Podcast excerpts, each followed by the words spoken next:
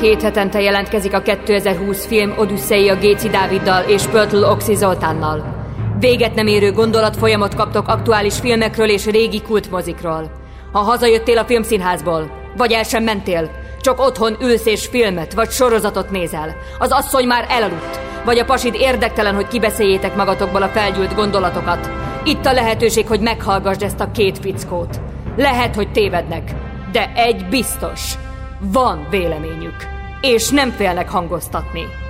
Kezdődjön tehát a 2020 film Odüsszeia az újságíró Oxival és a filmrendező Dáviddal. Üdvözlünk mindenkit a 2020 filmodüssze a fedélzetén, a mikrofonok egyik és másik oldalán, tehát velem szembe akkor Géci Dávid budapesti filmrendező, a mikrofon innenső oldalán pedig Pöltlox Zoltán, egykori mozigépész, jelenleg újságíró. Mindez azért érdekes, mert műsorunk alapvető lényege mind a ketten ugye filmbuzik vagyunk, de van egy beavatott szakmabeli ember, ő a Dávid, én pedig ugye a pálya széléről, mint a zsőjék Lugosi Bélája ugatom, hogy szerintem mi a jó, mi a rossz. A mai nagy téma, egy nagyon érdekes, különleges film, Dávid azért ajánlotta, hiszen most megyünk sorba az Oscar díjra jelölt, vagy Oscar díjat kapott filmeknél, filmeken, és a Metal csendje, illetve hát jobban hangzik a Sound of Metal című belga-amerikai Hát itt azt írja az egyik a portál, hogy zenés dráma, de ennek semmi köze ilyen szempontból tehát nem úgy zenés, mint mondjuk a Chicago című film. Na de Dávid, hát ezt én ebben hadd kapaszkodjak már bele, mert mondtad, hogy egy kicsit nyomasztott téged ez a film, egyébként teljes joggal, de amúgy nem szoktál ö, ö, tehát ilyet mondani, hogy kicsit úgy, úgy gödörbe zuhantál. Ez így volt tényleg? Igazából nagyon-nagyon jó az az érzés, és most lehet, hogy én valami mazoista hülye vagyok, amikor egy kicsit melankólikus hangulatod van, olyan, mint kitölteni egy jó pohár vörösbort, és egy kicsit gondolkozni az élet értelmén. Ez a film pedig, pedig ezt teszi veled, kiragad egy közegből, és bedob egy olyan helyzetbe, amiben egyáltalán nem akarsz lenni, és megmutat egy olyan világot, egy olyan szubkultúrát, amit nem annyira ismerünk, valószínűleg lehet, hogy te Oxi ismered. Egyébként kicsit ez a véleményem a, az idei Oscar díjról, hogy minthogyha ilyen világokba engedne betekintést. Tehát, hogy jó, hogy minden film egy, egy új világ, de ez egy közhely, de itt azt mondanám, hogy még a Father, az archeimeresek és a demensek világába és az öregek világába tekint betekintést, a Nomadland, a társadalmon kívül élők, a állandóan úton lévők életét mutatja be, míg a Sound of Metal ö, gyakorlatilag a siketeknek a, a zárt közösségét mutatja meg egy, egy olyan fiún keresztül, aki egyáltalán nem odavaló. Én nekem még van egy, egy nagyon komoly szakmai észrevételem, nagyon különleges a cím. Ugye azt mondja, hogy Sound of Metal, és amikor ajánlottad, akkor már kicsit ilyen hidegrázáson volt, hogy basszus, nehogy már belemenjünk valami olyan filmbe, ahol ugye ilyen stúdió, meg ilyen filmforgatás és egyéb körülmények ilyen vegy, vegylaborjából kihoznak valami lázadó heavy metal történetet, ahogy azért az elmúlt időszakban volt két ilyen film,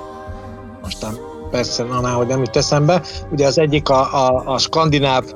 halálmetál, vagyis a black metal zenekaroknak a, a hát egy elég furcsa ilyen kriminális életéről szólt, ugye ott meg is gyilkolázták egymást, és aztán volt egy ilyen humoros verzió, amikor a, a egy ilyen eldugott falucskába ilyen metálformációt alapító csapat bejut ugye nem tudom milyen dalversenyre, és hát végül is ilyen tökéletes, de az meg ilyen humoros volt. Ettől féltem, hogy jaj, ezek még úgy elmentek, meg úgy jó volt, de és kiderült, hogy nem is metáról van szó, ezt tudni kell, hogy ez, amit ők játszana, játszottak, nem tudom, a zenekar nevez meg volt, szerintem nem nagyon mondták, hogy mi a nevük, ez egy duó, de az életben is ők egy párt alkotnak, a srác dobol, a lány gitározik és énekel. Tehát például nincs basszusgitár, nincs szólógitár, és ez a noise rock. Én követek egy oldalt, az I Wanna Rock You Baby fedőnéven megy, és ott nagyon nagy kultusz van ennek az új műfajnak, ez onnan eredeztetik, ahonnan körülbelül a, a Seattle vonal elindult, tehát a Nirvana, Soundgarden, Purgeon, de leginkább a Nirvánához, amikor ilyen koszolt volt a hangzás, direkt össze-vissza gerjedtek a gitárok, de ugyanúgy szépen kijöttek a dallamok, és egy picit olyan slampos volt a zenekarban is amúgy is mindenki, hát ebben ugye a drogok elég sokat segítettek. Itt is erről van szó, hogy ez egy noise rock, nem? És a metal az később jön a végén, de még nem lövöm le ezt a poént. Úgyhogy van egy ilyen szakmai észrevételem, hogy aki arra készül, hogy egy metal filmet lát, a heavy metalnak ugye azért sok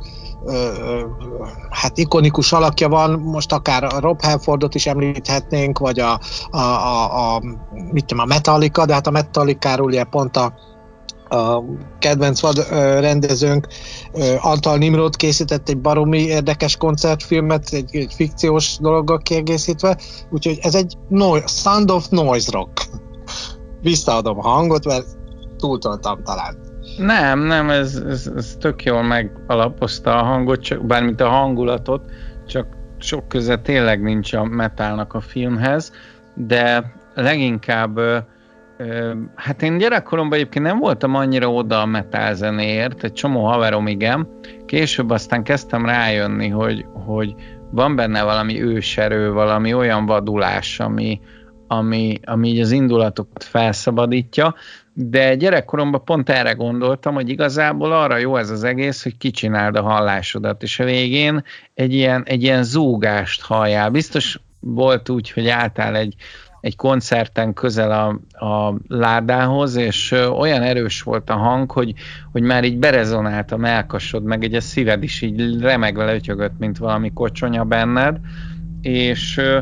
és hát ezt az élményt adja a film eleje, ahogy vadul dobol, ugye a karakterünk, akit ugye Rubennek hívnak, és a Riz Ahmed játsza. Egyébként a srác nekem, hát már rengeteg filmben játszott, de amiben igazán megmaradt az Aznap éjjel című ö, sorozat, vagy minisorozat, ilyen krimi minisorozat, és abban egyszerűen annyira erős volt a srác, hogy képtelen vagyok elfelejteni. Egyébként ez egy közel 40 éves ö, srác, és, ö, és ö, hát azt gondolom, nem tudom, hogy ő pakisztáni származású, el korábban pakisztánit játszott, igen, pakisztáni származású, és és ez talán mellékes, de hogy, de hogy én egyébként abszolút örülök annak, hogy nem, nem csak, hogy is mondjam, ilyen tőzsgyökeres amerikai színészeket nézünk a, az étteren, illetve a moziban, hogyha majd lehet. És ez a srác, ez tényleg megérdemli a képernyőt. Tehát egyszerűen olyan szemei vannak, mindig, mindig az ilyen űzött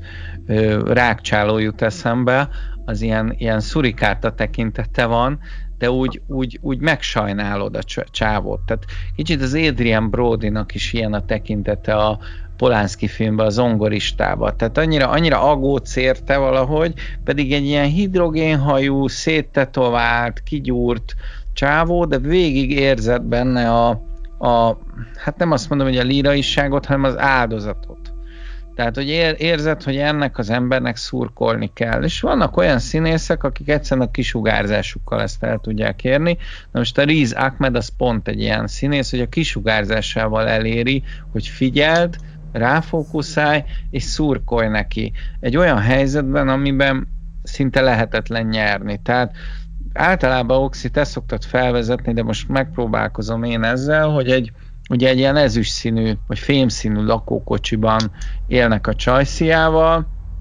aki egyébként szintén nagyon ismerős volt valahonnan, és aztán beugrott, hogy a Spielberg filmbe láttam, a Ready Player One-ba, és, és ott is egyébként abszolút tetszett, de hát ez egy, ez egy sokkal nagyobb szerep volt neki, az Olivia Cooknak. Ugye ő játsza Loot, Ruben szerelmét, akik együtt zenélnek, és nyomják ezt a noise metalt, vagy ahogy az előbb kifejtetted, és, és hát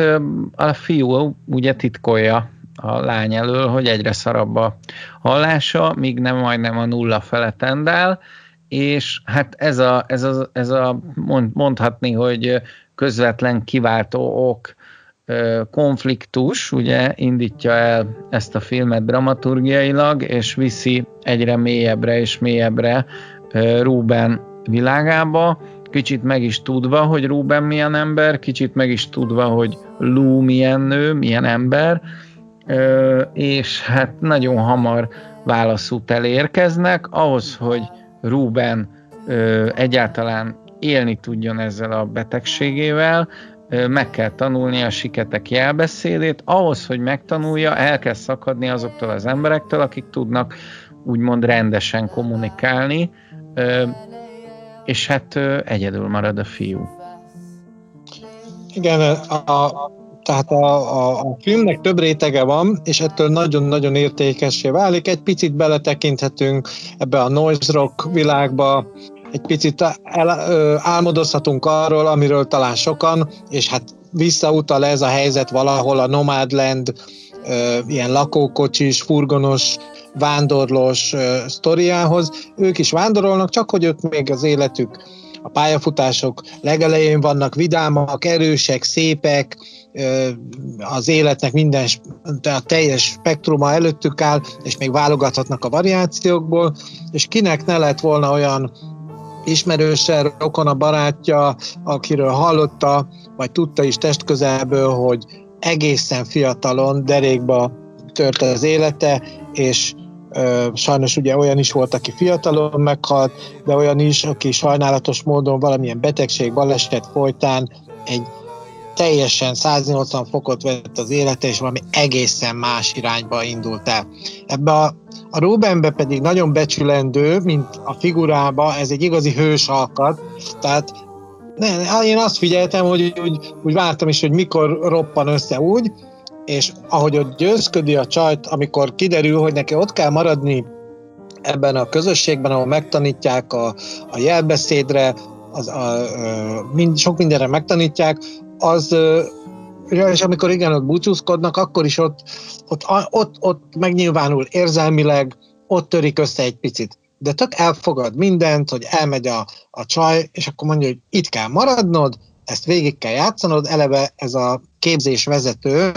aki ugye egyben egy vallási vezető is, az elmondja, hogy itt nincs mobiltelefon, itt nincs kommunikáció a külvilággal, itt csak mi vagyunk, erdő közepén van egy szép nagy ház, ez egy olyan, mint egy ilyen nagy tábor, egy iskolai tábor, különböző korosztályok vannak, mindenki ö, hallásérült, siket, és ennek megfelelően különböző foglalkozások vannak, és ezt is elfogadja, és ott, amikor búcsúzni kell, van egy nagyon szép szerelmi búcsú jelenet, és ott nagyon-nagyon rosszul lesz, de, de utána nagyon keményen beleáll ebbe az egészbe, és mindent emberi módon reagál le. Ez nagyon szimpatikus, hogy tényleg belegondoltunk-e valaha, most ugye sajnálatosan szintén ugye a koronavírus járvány kapcsán az emberek egy része, aki elkapta ezt a betegséget, elvesztette egyes érzékszerveit ideiglenesen. Tehát a szaglásról beszéltünk, ugye meg az ízlésről, hogy, hogy nem érezték az ízeket. És már ez is milyen. Ugye a legfontosabb a látás, de rögtön utána jön a hallás. Hát a tapintás az, az szintén nagyon fontos. És ez a Ruben, ez nagyon érdekes, én nem tudom elképzelni, hogy mikor elveszítenék egy ilyen, egy ilyen képességemet, egy ilyen adottságot, akkor mit csinálnék? És mondják, hogy ilyenkor az embernek kifinomulnak további a többi érzékszervei, és ő is próbálkozik sok mindennel, és aztán itt majd mindjárt elmondjuk, hogy hogy folytatódik ez a történet, de amitől ő Ruben, ez a kitetovált, ilyen metálos, rokkos, ilyen különleges fazon, tényleg ez a kiszőkített, ha ez baromi érdekes, de jól áll neki, ettől egy ilyen igazi különc vagály lehet. Hát amikor ők lementek, egy, egy turnén vannak éppen, nagyon érdekes, ugye ez az alternatív rock világban minden lehetséges. Most egyébként ez amúgy is divat, hogy a rock, sőt a metában is,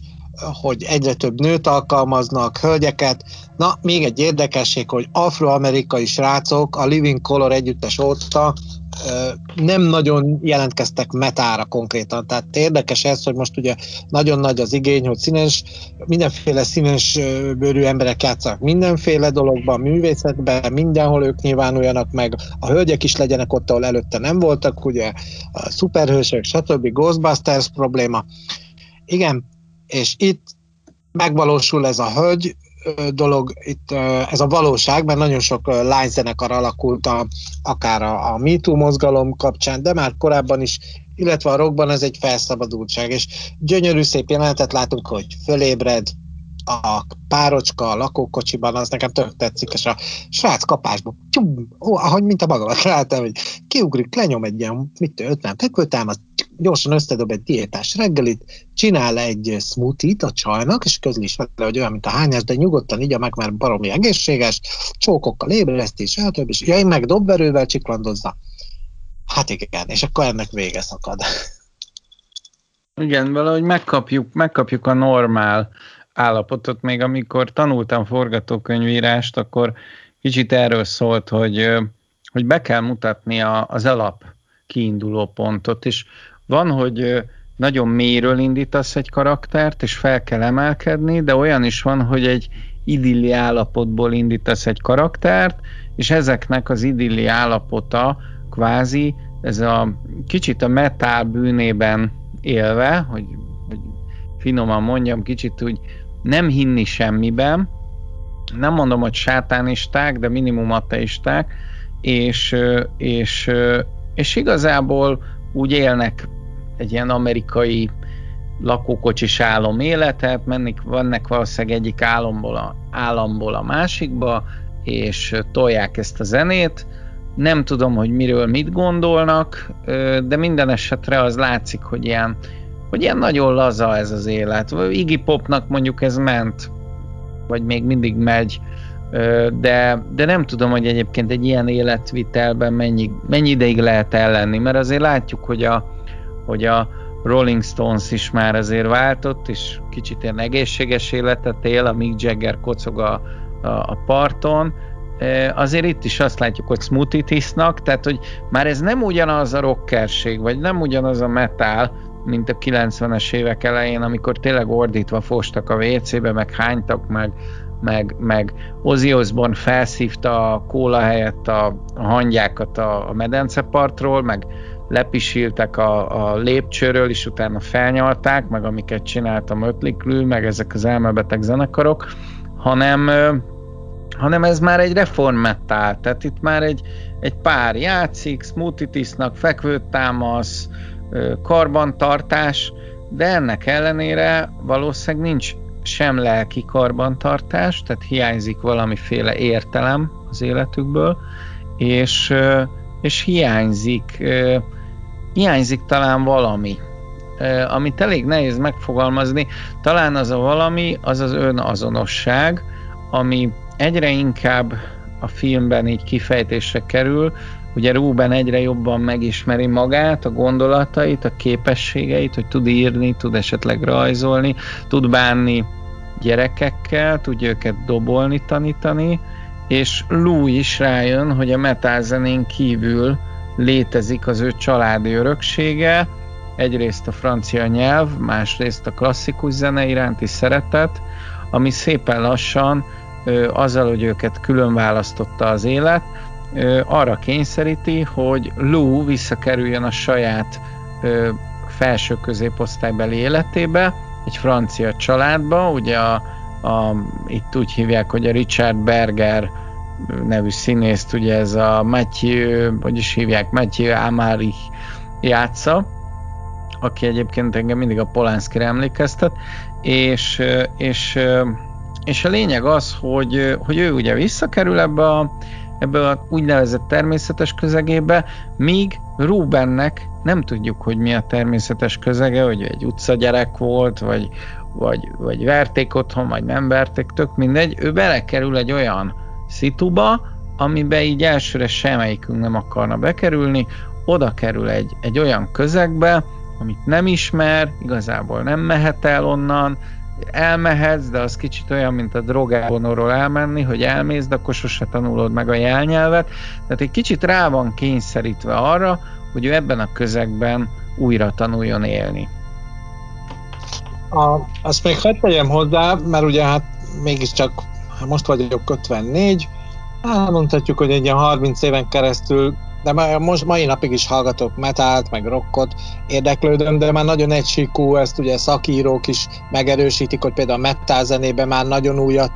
a, még a klasszikusok sem tudnak, ott ugye az önismétlés, illetve a friss, friss bandák, az új generáció tagja is alig, alig tesznek hozzá, már, már mindent eljátszottak, ma lehet mondani kis túlzással. Na, szóval ez egy szakmai érdekesség, nagy ACDC rajongó voltam, azért most is figyelem Angus Youngékat, és az elmúlt időszakban ők nagyon mély, nagy, mély pontra jutottak, és ennek egyik része volt, hogy az énekes Brian Johnson ő is egy ilyen laza 40-50 év ö, konkrét ö, koncertezés, dübörgő hangfalakban való élet miatt megsüketül, de olyan, olyan brutálisan, hogy azt írta a szaksajtó, hogy nem, nem tudta vállalni a folytatást. Azóta természetesen sok minden megjavult, a, helyre tudták hozni ezt a kis gubancot nála, és jön, már kiadták az új lemezt, a, a Power Up című lemezt. Tehát a, ebben a szakmában simán előfordul, hogy valaki megsüketül, vagy olyan mértékben károsodik a hallása, és ezzel valószínűleg már a, a legalább a 80-as évek, vagy legalábbis a 90-es évek óta már egy picit többet foglalkoztak, ugye itt az Aerosmith együttes mindig egy iskola példa, hogy ők amikor a csúcson voltak, volt két nagy csúcs volt, és az egyik csúcson ők még ugyanolyan sokat fogyasztottak mindenből, mint a Mötley Crue, akiket említettél. És akkor meggyőzték őket, hogy vegyenek vissza a tempóból, és sokkal jobb zenéket csináltak legalábbis szerintem, de mindenre leálltak. De megsüketülni nem lehet ilyen fiatalon, ahogy ez a Ruben süketül, ez sem derül ki, ha jól figyeltem a filmet, hogy igazándiból ő, ő, neki mitől van ez? Ott egy orvos beszél vele, egy, a hölgy, egy orvos, egy doktornő, hogy hogy, hogy, hogy lehet ezt helyrehozni valamennyire. Mert amikor megmérik neki a hallását, akkor közlik, hogy hát ilyen 25% vagy valami 20% körül van, és folyamatosan romlik. Tehát neki az ígéret, a orvosi diagnózis szerint ez nulláig is elmehet, tehát megszűnhet teljesen. És akkor felajánlják neki, hogy egy műtéttel kiiktatják a, a, ezt a halójárati részt, és be, aztán kap egy olyan implantátumot, ami, ahogy a nő mondja, becsapja az agyát, és egy hallást generál, képez a készülék, és hát a Ruben akkor megnyugszik, hogy jó, és ott egy ilyen arra érdekes ilyen életmódbeli váltás van, és tényleg, ez, ha jól meggondoljuk, ez az egész film, ez tényleg csak erről a Rubenről szól, arról, hogy valaki megismeri magát, ahogy mondtad is, hogy igazándiból ő egyszer csak rájött, hogy ő kicsoda, aztán persze rájött, hogy kicsoda az a lány, tehát hogy itt mindenkinek van egy azonossága, és a lánynak egy olyan azonossága volt, én nekem meggyőződésem, hogy ez, az, ez azt ábrázolta, hogy a lány nem adott fel, ezért a noise rock karrier és sok mindent, a Ruben meg mindent feladott. És ebben a sztoriban ez a szép, hogy mi van, amikor mindent föl az, csak hogy egy valamit csinálhass, ami persze tökéletes tűnt az elején, mert benne volt a szerelem, benne volt a szabadság, ahogy ugye mentek ezzel a klassz lakókocsival egy ilyen, hú, ilyen, ilyen nem is tudom, a, a Martin Rixnek volt ilyen lakókocsi a halálos fegyverben, ami ugye mindig az óceánparton dekkolt egy ilyen kicsit ilyen, leg, sőt nem is kicsit, egy teljesen legömböített, egy ilyen nagyon ilyen űrhajószerű, de tök szuper dizájn. Akkor ebbe beleköltöztek, és a Ruben mindent feladott, hogy ezt csinálhassa, és nem, na, ennek a noise rocknak nincs egy olyan nagy közönsége, szóval nincsenek noise rock stadion koncertek, meg fesztivál koncert, bár az lehet, hogy van fesztivál koncert, de ez most már lecsengőben van, és egy réteg zene lett, tény és való, hogy a noise rock rajongók természetesen, ahogy mondjuk a punk, a hardcore, ezek igazi fanatikusok, nagyon szeretik, és ha figy- ajánlom a hallgatóink figyelmébe, hogy amikor nézik a filmet, figyeljék, hogy milyen a szöveg, nagyon jó ugye kiírják a, a dalszöveget, amit a lány énekel, és baromi jó a szövege. Tehát ez úgy önmagában is tényleg egy igazi kulturális élmény. Úgyhogy nekem az a gondolatom, hogy itt és nem csak a vallásos közösség miatt, ahova a Ruben kénytelen menni, akik ugye foglalkoznak ezzel a rehabilitációval, hanem úgy önmagában is ez egy olyan, mint egy ilyen tanmese, egy, egy mondjuk egy vasárnapi iskolában ilyet mesélnek el a gyerekeknek, hogy hát igen, a világ azt mondja, hogy mindig legyél szabad, csinálj, amit akarsz, nem kell törődnöd semmivel, magaddal sem nagyon törődjél, csak tömd magadba az élvezeteket, tedd, amit akarsz, éld ki magad, de hát egyszer csak jöhet egy gebasz, egy kis baj. Ami nagyon nagy baj. És minden megváltozik. És lehet, hogy akkor derül ki számodra, hogy nem ismerted önmagadat, nem ismerted az Isten. Ez nekem egy nagyon ilyen, ilyen igazi, jó értelembe vett tanmese történet. Ilyen szempontból is. Igen, de lehetne, lehetne ez oxi tök szájbarágós, vagy ilyen, ilyen nagyon uh, kimondott, és uh, most nem akarok egyből spoilerezni, de hogy a film vége is ilyen nagyon finoman nyitva hagy dolgokat, de még nem akarok egyből a film legvégére ugrani. Igazából azt is el akartam mondani, hogy ez a rendező, ugye, aki ezt a filmet írta és rendezte, a Darius Marder, ez egy dokumentumfilm rendező, és én ezt anélkül, hogy megnéztem volna az életrajzát, egyből éreztem, hogy, hogy dokumentarista módon ábrázol szinte mindent. Tehát kihagyja a, mondjuk azt a nagyon filmes megközelítést, és, és inkább szemelvényeket mutat egy életből. Olyan, mintha csak úgy jelen lenne a kamera, de nem a jelenet része lenne, hogy nem, nem tudom, hogy, hogy egyértelműen fogalmazok-e. Tehát például a Fathernél egyértelmű, hogy egy, hogy egy gyönyörűen megkonstruált világot látok, persze egy színdarab alapján, de ott mindig, mindig egyfajta beavatás játék van, vagy, vagy mit tudom én, amikor beszéltünk a, az ígéretes fiatalányról, az is egy, egy hagyományos film. Viszont itt azt érzed, hogy, hogy, hogy valami, valami valóságot csöpögtetnek itt eléd, kicsit mint a Nomád lennél, az is egy dokumentarista alkotás, és, és nagyon érdekes ezt a szubkultúrát belülről látni. Tehát amitől te is egy kicsit óckodsz, hogy idegen emberek között marad ő, kicsit mint egy ilyen hippi kommunában lenne, vagy nem tudom, de azért olyan fura az az alak, az a, az a Porat, vagy Por Rácsi, nem tudom, hogy, hogy ejtik a nevét, ugye aki a Joe-t játsza, de aztán egy ilyen nagyon szimpatikus ember lesz, és egy nagyon, nagyon következetes ember. És azt gondolom, hogy a világban szükség lenne ilyen emberekre, akik, akik úgy adnak, hogy nem ész nélkül, tehát például, hogyha egy drogosnak ész nélkül adnak és adnak és adnak, akkor ő el fog mindig venni. De ő úgy ad, hogy meghúzza a határt, hogy eddig és nem tovább. Amikor a srác kölcsön akar kérni, azt mondja, hogy nem. Amikor most spoilerezek, eddig tartott a nem spoilerezés, szóval amikor megjavítja a hallását, akkor azt mondja, hogy oké, okay, de te ezt meghoztad, ezt a döntést. Akkor innentől kezdve nincs dolgunk egymással, kérlek menj el. Nem, nem jövő héten, most. Tehát, hogy pakolj, menj el, nincs semmi harag, de te neked már nincs tovább szükséged erre a közösségre. Nagyon érdekes a szabályrendszer, nagyon érdekes az emberek viszonya, és nagyon érdekes ez a közösség. Te mennyire láttál ebbe bele, Oxi, vagy mennyire hallottál ö, ilyet korábban, hogy, hogy hogy működnek a dolgok egy ilyen közösségben? Azonnal mondom, csak egy apró saját észrevétel, hogy szerintem pont ez az egyik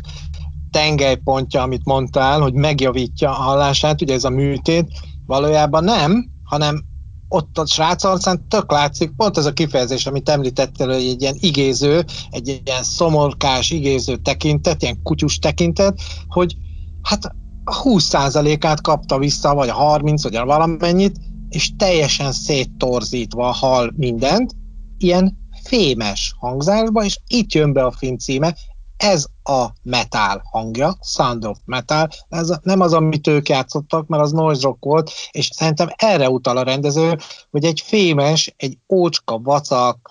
torz hangot hallasz. Ugye ez is egy ilyen sokszoros költői, ö, ö, hát az a baj, hogy hadilában állok, hogy ez most éppen allegória, vagy metafora, hogy ö, nem javul a helyzet, de ő, ahogy mondod is, hogy ott bemondja az adó, azt így van, hát én meg tudom oldani ezt magam is. Hát vissza fogom kapni a hallásom, én, mert itt a kütyű a fejemen, kész, szuper, minden, de nem szuper. Marha. És, és mindig, ez a lényeg, hogy a rendező úgy oldotta meg a film hangzását, hogy mi mindent úgy hallunk, néha kikapcsol a külvilági hangra, a külső világ hangját halljuk, de nagyon sokszor halljuk, hogy a srác hogyan hallja, és valami katasztrofális, hogyha ez a, a siketségnek az élménye, ez nagyon nehéz. és hogy, hogy, hogy én hogy gondolom ezt a közösséget. Itt arról van szó, hogy ők, ott van egy nagyon jó kulcsmondat szintén. Mondja a, a Ruben, hogy hát igen, nézze, én most tisztában vagyok vele, hogy ez egy vallási közösség, és azt mondja, önök itt mivel is foglalkoznak? Azt mondja, mi siketeket rehabilitálunk, és segítjük őket abban, hogy teljes embernek érezzék magukat, ne úgy gondoljanak magukra, mint akik valamiféle fogyatékkal rendelkeznek, hanem valami plusszal. Egy közösség tagjai, akik saját képességekkel, produktumokkal rendelkeznek. És azt mondja, jó, jó, de én nem vagyok vallásos. Azt mondja, nem érti, hogy mit mondok, az nálunk nem számít, mi a siketteket gyógyítjuk, nem a siket vallásosokat. Nem teszünk különbséget. Siketek, siket vallásosok, és siket nem vallásosok között. És akkor már jön egy első ilyen szeretet flash, hogy én úgy fogadlak át téged, ahogy vagy. Ezt tanítják a templomban, hogyha Istenhez mész, elnézést, prédikálok, ha Istenhez mész, akkor valószínűleg teli vagy ilyen aggodalmakkal, hogy na jó, hát de én biztos nem vagyok idevaló, meg az Isten valószínűleg páros lábbal fog kirúgni, mert én, én, én mindig is ellene beszéltem, de nem, ez nem így megy. Ezt is tanítják. És ez egy nagyon érdekes módszer, ez, erről nekem annyi minden eszembe jutott, mikor mondja, van egy ilyen gyakorlat, ami nincs összefüggésben konkrétan a siketséggel, azt mondja, hogy menj be abba a szobába, tök üres, egy asztal lesz meg szék, ott egy papír, ott egy toll, és írj és semmi más nem mond neki, csak ennyi. Légy szíves, ülj le és írj, és ezt csináld hosszú napokon át. Ír, ír, de hát mit írjak?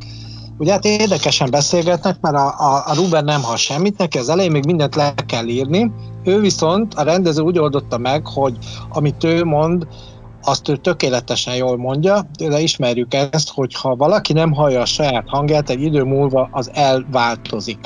tehát nem tudja kontrollálni, mert nem hallja, hogy mit mond, és neki egyre rosszabb, de ezt a filmben úgy oldják meg, hogy ezt átlépik ezt a problémát. Na és akkor bemegy a szobába, és ott az elején elkezd ezen így röhögni. Ugye egy ilyen, és annak az a lényege, ez ilyen lelki gyakorlatokon is, ez egy adott feladat, én már voltam ilyenen, és nagyon izgalmas, próbált ki Dávid, légy szíves. Ülsz egy asztalnál, Ülsz egy asztalnál, és azt mondják, hogy Dávid, írd le most erre a papírra azt, az, azt a mondjuk három dolgot, amiben te a legjobb vagy, amiben a legtöbb örömödet leled, és ami a leginkább a Dávidról szól, mint egy jó dolog, ami, ami jó. És akkor elindul egy ilyen csata az emberben. És ez a Ruben is ezen szenved, ott neki végül is az az érdekes, hogy nem mondanak semmit. Nekem beugrott az is, hogy amikor József Attila megpróbálta leküzdeni a lelki betegségét, akkor ugye egy szakember ajánlotta neki, az a bizonyos Edith keresztnevű pszichológus, bocsánat, szerintem inkább pszichiáter, hogy hát ilyen szabad asszociációs módon így el, kezdjen el írni. És ahogy jönnek a gondolatok, az sorba-sorba rakosgassa, és írja, írja, írja. József Attila bevonult a japán kávéházba, és nem tudom hány füzetet teleírt, és ebből lett később a szabad ötletek jegyzéke ezt a szerencsések Jordán Tamás tolmácsolásában, illetve talán még Bácsai Pál is, de Jordán Tamás biztos, és a haverom látta a barátom, és azt mondja, hogy hát az beszarás volt. De ha ezt te olvasod, akkor is iszonyú durva. Tehát ott minden jön kifele. És a József Attila nagyon ügyes volt, mert nem kötött ö, ö, zablát az elméjére, és tényleg ahogy jött, és abban benne volt a végén már azt, hogy a saját muterjába akarja meghágni. Ezt a gondolatot sem tartotta vissza, mert tudta, hogy ennek ki kell menni. Ez az alsó tudat. Ugye az a rész, ami, amit nap mint nap nem használunk, valahogy, és szerintem József Attila nem szívott semmit, nem drogozott, és ki, kigyütt. És itt a srác is először óckodik, vonakodik, kineveti az egészet, dühös, üvölt, és, és akkor egyszer csak elindul a és jön a flow, ahogy mondják a rapperek, és elkezd írni, és írni, és írja, és írja. És akkor megismeri magát. És amikor nekünk is volt ez a lelki gyakorlatos rész, nagyon nehezen telt meg az a... Ja, egy oldalt kellett írni legalább. Hát ez valami kényszenvedés volt. már amikor nagy nehezen elkészült, akkor azt mondta a csoportvezető, hogy jó, kész vagytok? Jó, akkor írjatok most még hármat. Uff, hát mondom, ezt nem hiszem. De akkor mondom, jó van, nem baj, legalább ez elkészül, és akkor a, a gyakorlatok lezárása általában úgy történt, hogy be, beszámoltunk az eredményekről.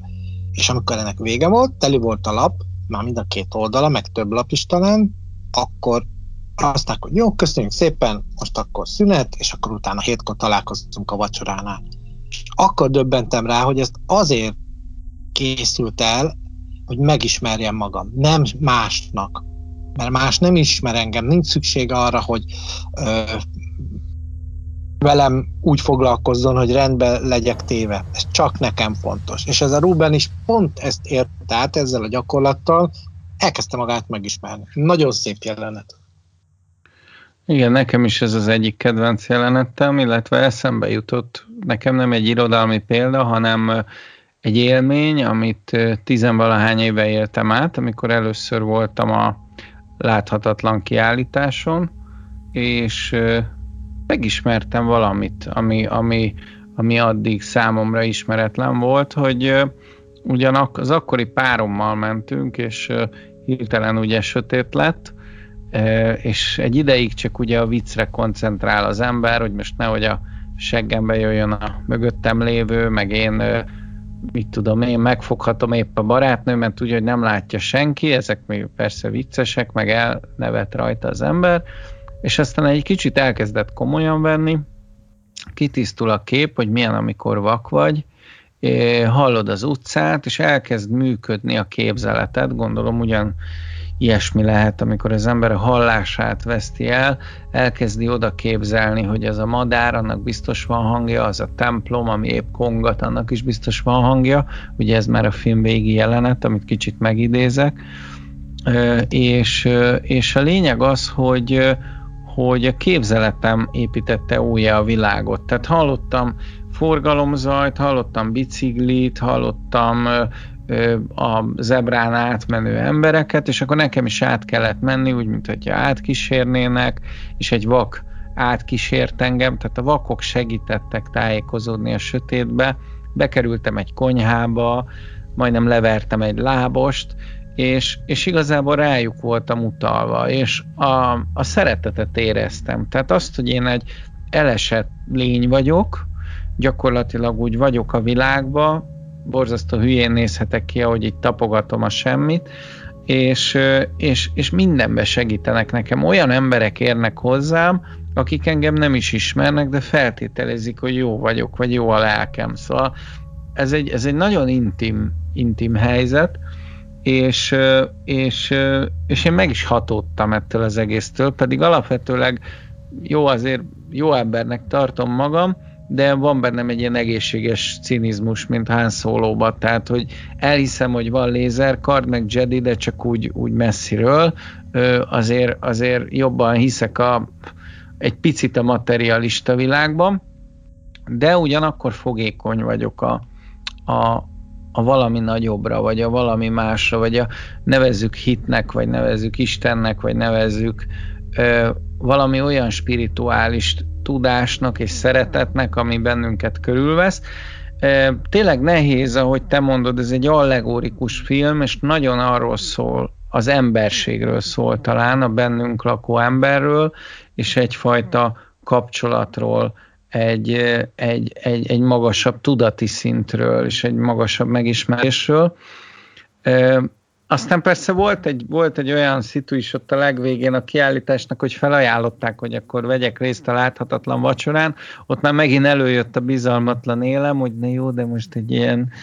én egy ilyen gusztustalan spenótot fogok enni, amit nem tudom, tényleg vakok csináltak, biztos ügyesek, de mi van, ha nem látja, hogy olyan spenótot rakott bele, aminek már barnul a levélszéle. Szóval ott már előjött ez a hülye énem, ami, ami elvileg itt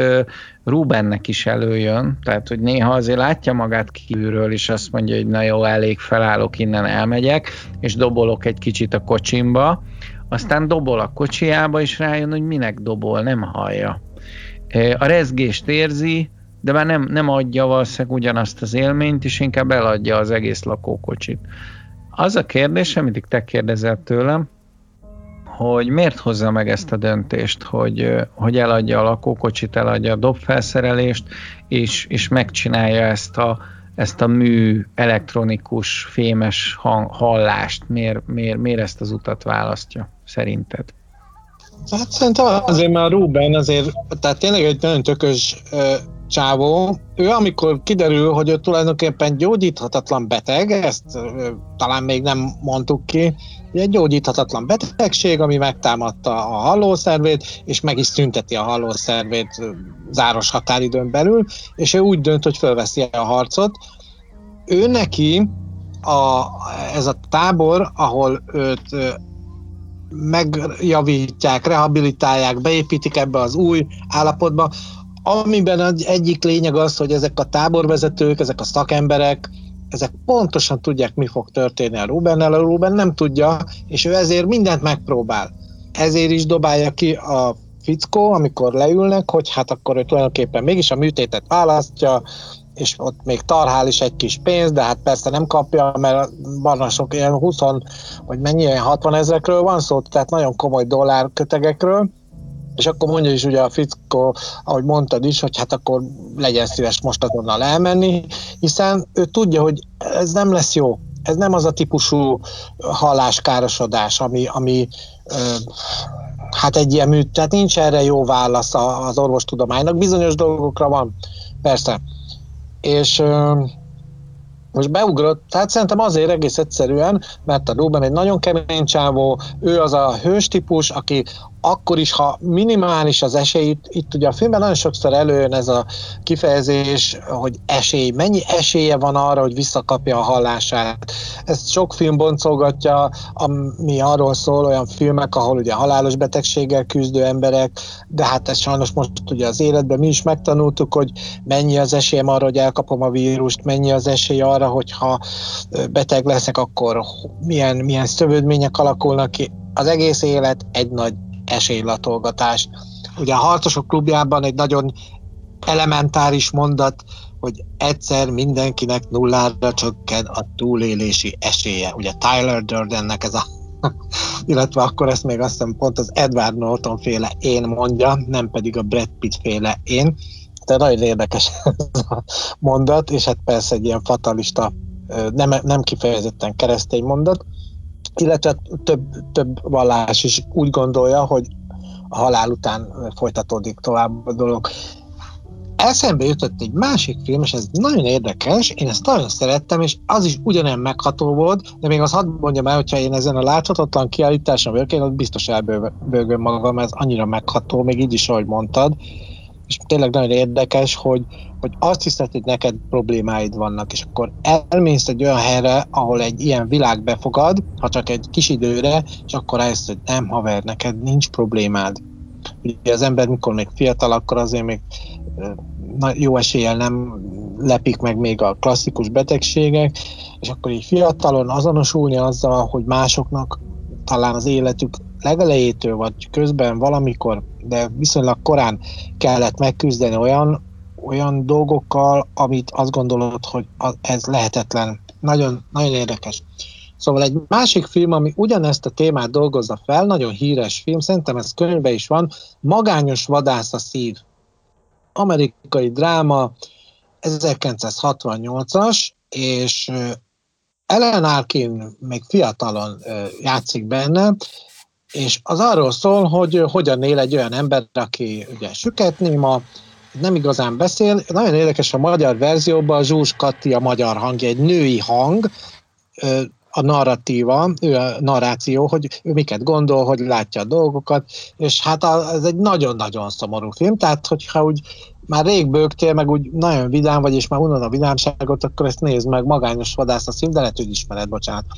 Nem, nem, nem ismertem, és meg fogom nézni. Ú, nagyon jó, nagyon jó, és ilyen tök híres emberek játszanak benne, Stacy Kics, és ilyen, ilyen mindenféle jó pofaságok, bocsánat, de hogy az a lényeg az egészben, hogy ott is egy olyan világra mutat rá, a süket némák világára, am, amit nagyon kevesen ismernek, és ö, itt is a közösségben, ebben a kisvárosban is van olyan, hogy valaki süketném, és akkor látjuk, hogy tulajdonképpen valahogy úgy beszélgetnek ők egymással, van, aki hangot is ad ki, és uh, így kívülről nézve a, ha én ezt nem tudom, hogy ő neki mi a fogyatékossága, akkor azt gondolom, hogy ő, ő neki valami a fejével van valami gond, tehát lehet, hogy, hogy nem épp elmélyű, de valójában nem. És ez, ez, ez borzasztó, hogy mikor valaki egy teljes értékű életet él, egészséges, és aztán beteg lesz, megsérül, elveszíti valamilyen képességét, és akkor onnantól kezdve egy ilyen lesajnált kripli, és ilyenkor nem jönnek be ezek a, nem feltétlenül jönnek be ezek a filmes vonalak, ahol látjuk ugye a, a mondjuk Jack nicholson amikor a Morgan Freeman-nel együtt életük utolsó fél évét talán töltik vidáman, miközben hát tudjuk, hogy a végén meg fognak halni, és ilyen jó pofán állnak a dolg, dolgokhoz, tehát ez nem egészen így van. Hogyha találkozol valakivel, aki egy fiatal lány autóbalesetben, autóbalesetben elszenvedett sérülés miatt tolókocsiba kerül, és, és, és deréktől lefele, de még annál följebbtől lefele is semmit nem érez, és akkor gondolkozol, hogy úristen ember, ezt, ezt én hogy, hogy, ezt nem is tudom, hogy agyilag hogy tudnám feldolgozni. Ez a film abban is erőt ad, hogy és aztán akkor itt jön egy másik spoiler, a legnagyobb értéke szerintem ennek a filmnek, hogy azt mutatja meg, hogy oké, okay, erős vagy, százszázalékos vagy, egyszer csak lezuhansz 50 százalékra egy baj, egy betegség kapcsán, ennek folyamányaként elveszíted azt az egyetlen nagy talentumodat, amire azt gondoltad, hogy te ezért születtél a világra, és közben ez a sérülés, ez azt eredményezi, hogy te ugyanúgy száz százalékon vagy ebben a táborban, ebben az intézményben, és ezt tanítják nekik, hogy te nem lettél 50 százalékos, te ugyanúgy száz százalékos vagy, de egy másik képességedre kell ráfigyelned, ugyanis benned voltak más képességek, csak nem vetted észre, és ez hozta ki, és már mondtad is, hogy a Rubennél kijön, hogy egy remek pedagógus, hogy igenis van más jellegű alkotói képessége, és hogy egy ilyen kifejezetten szociálisan csúcsfazon, nagyon megszeretik ott a gyerekek, foglalkozásokat tart nekik különleges módszerekkel, ugye ezzel a dobolással, és ő ott, ott csak a mozdulatokat tudja jól tolni, mert aztán még ott hal valamennyit, mikor ott a, ilyen vödröket püfölnek, de igazándiból az ő kisugárzása, a személyisége olyan, erről több jelenet is tanúskodik, hogy ő maximálisan jó, és nekem egyébként meggyőződése most a legvégére ugrok a filmnek, hogy ő visszamegy a táborba. Erről majd biztos fogunk még akkor beszélni, hogy szerinted ez hogy alakult, de én szerintem ő visszamegy a táborba, én ezt a optimista vált. Mert akkor jön rá, hogy á, egyértelmű. Hát kész, ott, ott megért minden. Hm, nagyon jó, hogy ezt mondod, és nagyon-nagyon szeretem az olyan filmeket, amiknek nincs vége, és te írod tovább a történetet, az, az egyfajta együtt gondolkodásra készteti a, az alkotót, ugye jelen esetben az írót, a rendezőt és a befogadót, olyan, mint egy jó regény, ami még utána veled marad sokáig, és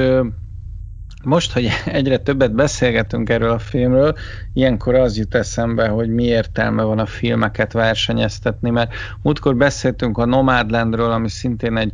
nagyon jó film, és ugye az lett a legjobb film idén, de én nem vagyok biztos benne, hogy az a legjobb film. Lehet, hogy ez a legjobb film. Tehát igazából, ahogy beszélünk erről, ez egy annyira kerek ö, mozi, önmagáért beszél, és, és, és rettenetesen őszinte, és rettenetesen egyszerű az egész film. Ö, amit mondasz, igen, van egy-két ilyen film, például az Ellen Parker Madárka című filmje, szinte továbbírod a történetet, nem tudod, mi történik, vagy tudod, hogy mi történik, hogy a srácot mégsem reménytelen eset, és visszaszól a, a haverjának, amikor azt hiszi, hogy öngyilkos lesz, és paf, fel van vágva a film, vagy,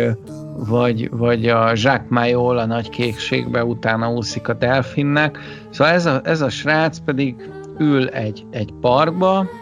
hallgatja ezzel a, ezzel a hallókészülékkel a hangokat, borzasztó nagyon nehéz nekünk is megszokni, tehát direkt játszik vele a rendező, hogy neztek itt van, ezt lehet hallani, és, és mint hogyha nem is valós zajok lennének, hanem, hanem tényleg csak ilyen fém, magasabb, mélyebb hangok, hogy valószínűleg a madárnak valami ilyesmi a hangja, mint hogyha valami nagyon primitív szerkezet próbálná leképezni a világunkat, és ilyen nagyon, nagyon fülsüketítő zajok, zörejek, még akkor is, ha halkabra veszi, még akkor is a, a, a templom kongása, ez az egyszerűen nem, nem okoz harmóniát, nincs, nincs lelki béke ilyen fémes hangzással a, a metal hangjával, és, és ugye a film végén ő le is veszi ezt a, ezt a készüléket, és inkább csendben nézi a teret, és csendben nézi az őt körülvevő világot, és amit mondasz, tényleg ebből a következő lépés az az, hogy vissza kell menni a, a, a gyülekezetébe, és nagyon tetszik, hogy nem megy vissza. Tehát pont ettől nem olyan amerikai, pont ettől nem olyan demagóg, és hát egy nagyon fontos dolgon hirtelen átléptünk, hogy így a film végére ugrottam én.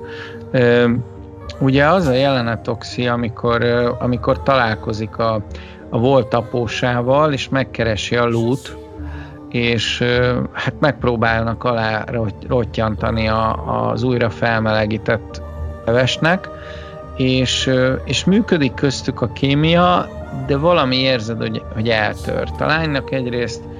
újra nőtt a haja,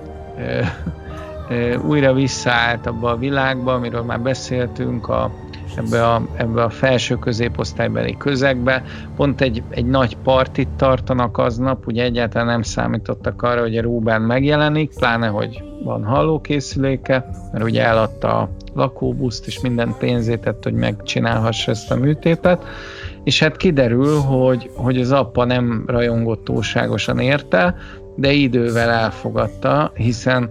nincs ennél valószínűbb cselekedet, mint hogy megjelenik a lánya életébe, és, és képes érte bármit áldozni. Én azt nem tudom, hogy a lány képes lenne bármit áldozni ezért a fiúért. Szerintem onnan indult, pont abból a családi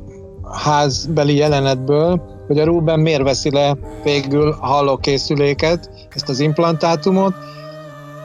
Ott az, ott szembesül azzal, hogy míg ő mondjuk feláldozta az életét egy szubkultúráért, aminek azért elég klassz jelesei voltak, őket nagyon szerették ott a koncert felvételeken, és ez külön erénye szerintem a filmnek, hogy tényleg olyanok ezek a koncertjelenetek, mintha egy valós, igazi bandáról lenne szó, ami tényleg létezik, és hogy tök jó csápolások vannak, meg olyan, ahogy a, a hát ezek a footage videók hangulatát hozza, és ott ő szembesül a Ruben ezzel, hogy nem, hát a csaj egy klasszik kispolgár, vagy egy nagypolgári, minden esetre egy polgári fazon, az egész családjával együtt, és azokat a, azokat a családi cuccokat, meg azokat a, a, a rutinokat, reflexeket követik, ami minden ilyen igazi klasszikus polgári családhoz illik. Tehát hazajön a lány, akkor ünnepséget tartanak, akkor kerti partit tartanak, akkor meghívnak mindenkit.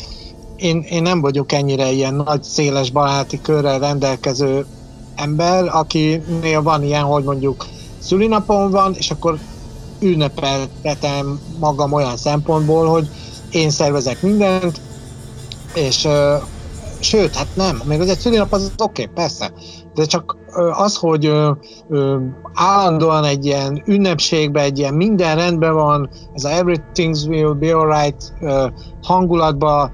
és megy tovább az élet, és majd elindul a karrier, akkor befejezi az iskolát, diploma, fölveszik ide-oda, ismerősök, stb., és egy gazdag, kiterebélyesedett életet lehet majd élni. A rock az általában ugye ott az alapelem a, a veszély a rockban mindig ott a veszély. Le lehet ugrani a színpadról, leköphetik, leszúrhatják az embert az utcán, mert nem tetszik neki az adott illetőnek, hogy mi az alkotás tárgya, vagy a személy az illetőnek unszimpatikus. A rockban mindig ott van az esetlegesség, a vagylagosság, a polgári élet, pedig azt kínálja, hogy állandóság, biztonság, anyagi biztonság, illetve van egy ilyen, hát kinek-kinek hát elképzelése szerint vélt vagy valós erkölcsi és esztétikai, valamilyen társadalom esztétikai platform, ahova ő tartozik. A rockban mindig van egy ilyen különállás, egy ilyen outsider hangulat. Ruben ott szerintem meglátja, hogy ez, ez, ez, ez tényleg nem az ő világa, itt nem, itt nem tört, tehát nem lehet visszahozni a régi kapcsolatot, azért egyet még szexelnek, és aztán ennyi, ennyi is, és akkor ott szépen összecsomagol, és kilép az ajtón. Hát nem egy tipikus szerelmes film, az elején úgy tűnik, hogy, hogy nagyon ideális minden, nagyon baba minden, nagyon ö, tudta mobilé az egész, és, és nem. És aztán kiderül, hogy hogy a lány részéről, de ez egy jó indulatú hölgy egyébként, én elhiszem, hogy ő a film alapján elhiszem, hogy ő beleadta azt az érzelmi maximumot, de neki megvolt a mindvégig a hátország, a Rubennek nem, és a Ruben rájött, hogy neki már megvan a bázisa, elindul, én gondolatom szerint ugye leteszi a filmotért véget, ugye leteszi azt a hallókészüléket, azt szevasz. Én azt gondolom, hogy visszamegy, és akkor ezzel a Joe-val megbeszéli ezzel a intézmény vezetővel, hogy na, akkor lett egy új tanárotok, és akkor kész vagyok. És nem tudom, hogy ez a film, ez, ez végtelenül szomorú, vagy végtelenül életigenlő, ezt egyszerűen nem tudom eldönteni. Hát nagyon szomorú, a, amiatt, hogy történik egy drámai fordulat. De hát nem is tudom, milyen klasszikus lehetne ide idézni, ugye itt szerelmes történeteket, szerelmes párok, híres szerelmes párok történetei, de hát van Romeo Júlia történet, van ö, ö, Casablanca történet, sok minden olyan sztori van, ahol valamelyik fél rajta veszít. Itt, amit a Ruben elveszített a párjában, azt visszanyerte egy új hivatásban, amit elveszített a, a zenei karrierjében és a hallás elvesztésében, azt visszakapta abban, hogy innentől kezdve generációkat taníthat sok mindenre. És ott nagyon érdekes, mikor mennek ezek a jelenetek, hogy őt beavatják, először ugye megtanítják ezt a jelnyelvi beszédet, és teljesen jól érzi magát, és felszabadultan, vidáman, a film első részéhez képest, a drámát, dráma bekövetkezte után részhez képest sokkal-sokkal vidámabban, nagy élvezettel veti bele magát ezekbe a folyamatokba. Ezekből egy-egy ilyen csipetnyi részt, ilyen kis szeletkéket mutat a rendező, és kicsit úgy maga a néző is úgy felszabadul, hogy ú, basszus, de jó, végre valami jó történik ezzel a Ruben, mert egy tök aranyos ember, meg látszik, hogy mennyire keményen küzd, de végre valami jó, mert a csajnak már annyi, a hallásának annyi, a rock karriernek annyi, mi, mi marad még? Hát az, hogy teljesen új Ruben születik. A vallási ö, helyzetekben nagyon fontos elem a megtérés, vannak hogy a folyamatos megtérés, vagy a, vagy a klasszikus a, a, a Saulból lett Pál, a, a, a megtérése, amikor egyik pillanatra a másikra. Itt is ezt látjuk, hogy Ruben, és most ilyen alapon akár utána is nézhetem volna, hogy a bibliai Ruben az egy milyen alak, szinte biztos vagyok benne, hogy a, az Ószövetségben szereplő Ruben név, az nem véletlenül alkalmaztatik ebben a filmben, tehát hasonló lehet a sors, ezt majd akkor kérjük a kedves hallgatóktól, hogy nézzék meg a, a Szentírásban, hogy az Ószövetségben szereplő Ruben az milyen feladatot kap Istentől, hogy ő mit végez, szinte biztos vagyok benne, hogy van egy áthalásos dolog ebben. Hát ugye most itt előttem van, ő Jákob fia, és amikor Lea életet adott első fiának, Rubennek nevezte el, mert azt mondja vala, meglátta az úr az én nyomorúságomat, most már szeretni fog engem az én férjem. Hm. Kicsit, kicsit jobban el kéne ebben most mélyülni. Tényleg, te mondtad jól, a hallgatóktól várjuk a leveleket, hogy a Ruben és a bibliai Ruben és a film Rubenje között pontosan mi, mi lehet az összefüggés. De én azt gondolom, hogy most talán elérkezhetnénk a értékeléshez, mit gondolsz? Jó, értékeljünk, és hát ugye szintén nehéz helyzetben vagyunk. Nagyon jó az idei Oscar mezőny, nagyon sok olyan film van, ami, úgy tűnik, hogy az intellektus felé irányították a rendezők a műveiket, nem pedig a, a ilyen monumentális darabokra, tehát nem látunk, nem tudom milyen ilyen lovaskocsi versenyeket, vagy háborús hősöket, hanem a hétköznapi hősöket állították elénk, és Ruben abszolút ilyen, és ő az, aki, aki egy klasszikus bukásból, és ez mindig a legszebb győzelem, a bukásból föl tudott állni, nem pedig az, hogy valaki tulajdonképpen a szerencse, az áldás, vagy bármi más